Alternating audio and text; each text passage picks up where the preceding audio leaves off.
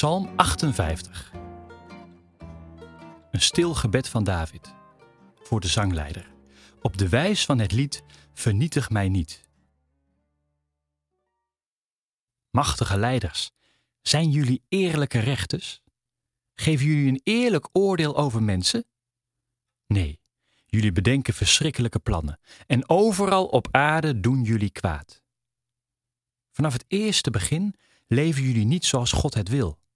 Jullie liegen al vanaf je geboorte. Jullie deden al kwaad in de buik van je moeder. Jullie zijn slecht en oneerlijk. En jullie luisteren niet. Nee, jullie willen niet luisteren naar niets en naar niemand. Heer, vernietig die gevaarlijke leiders. Vernietig ze helemaal. Laat ze verdwijnen, zoals water dat wegstroomt, zoals pijlen die hun doel nooit raken.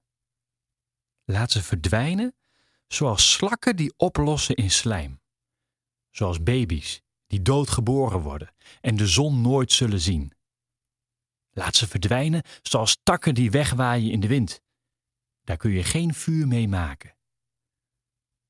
Als de slechte leiders gestraft worden, zijn goede mensen blij want er moet een eind komen aan het kwaad.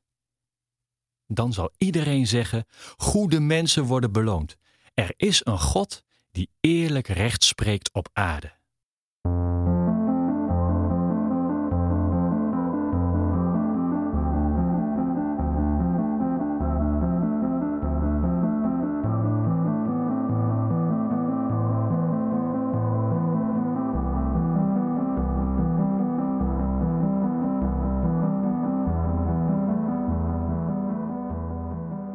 Boos, woedend, stampvoetend hoor je David tieren in deze psalm.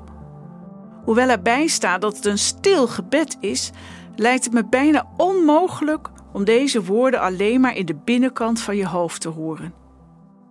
Hij klaagt de leiders aan, de machtige leiders.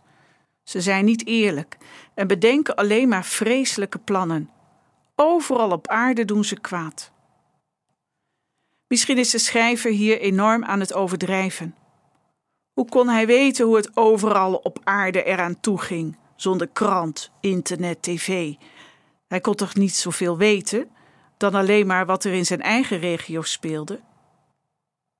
De overdrijving van de schrijver klinkt in onze tijd als een kritische blik op wat er in de wereld gaande is. Als je werelddeel voor werelddeel, land voor land, het nieuws van de dag voorbij zou gaan en op je in laat werken, dan merk je al snel dat er heel wat ellende wordt aangericht door mensen. Mannen met macht. De aarde wordt bedreigd door ontbossing, uitbuiting van bronnen en mensen. Oorlog en onlusten gaan vaak over eigen belang ten koste van alles. Een rechtvaardige strijd wordt vaak gestreden door wie onderdrukt worden. Waar maak jij je druk om als het gaat over het nieuws?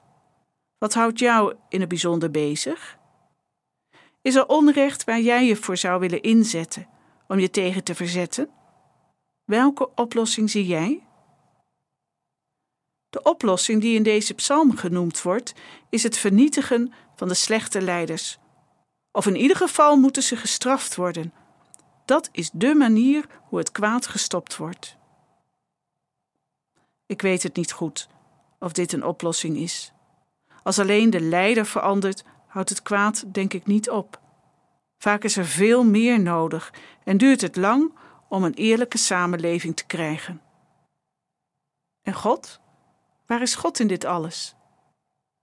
David zegt: als de slechte leiders gestraft worden, zullen mensen gaan ontdekken dat God op een eerlijke manier recht spreekt. Misschien is dat zo, uiteindelijk. Maar nu is het nodig en blijft het nodig om eerst maar eens te beginnen met het benoemen van het kwaad. En hardop en luid te schreeuwen: Heer, ontferm u.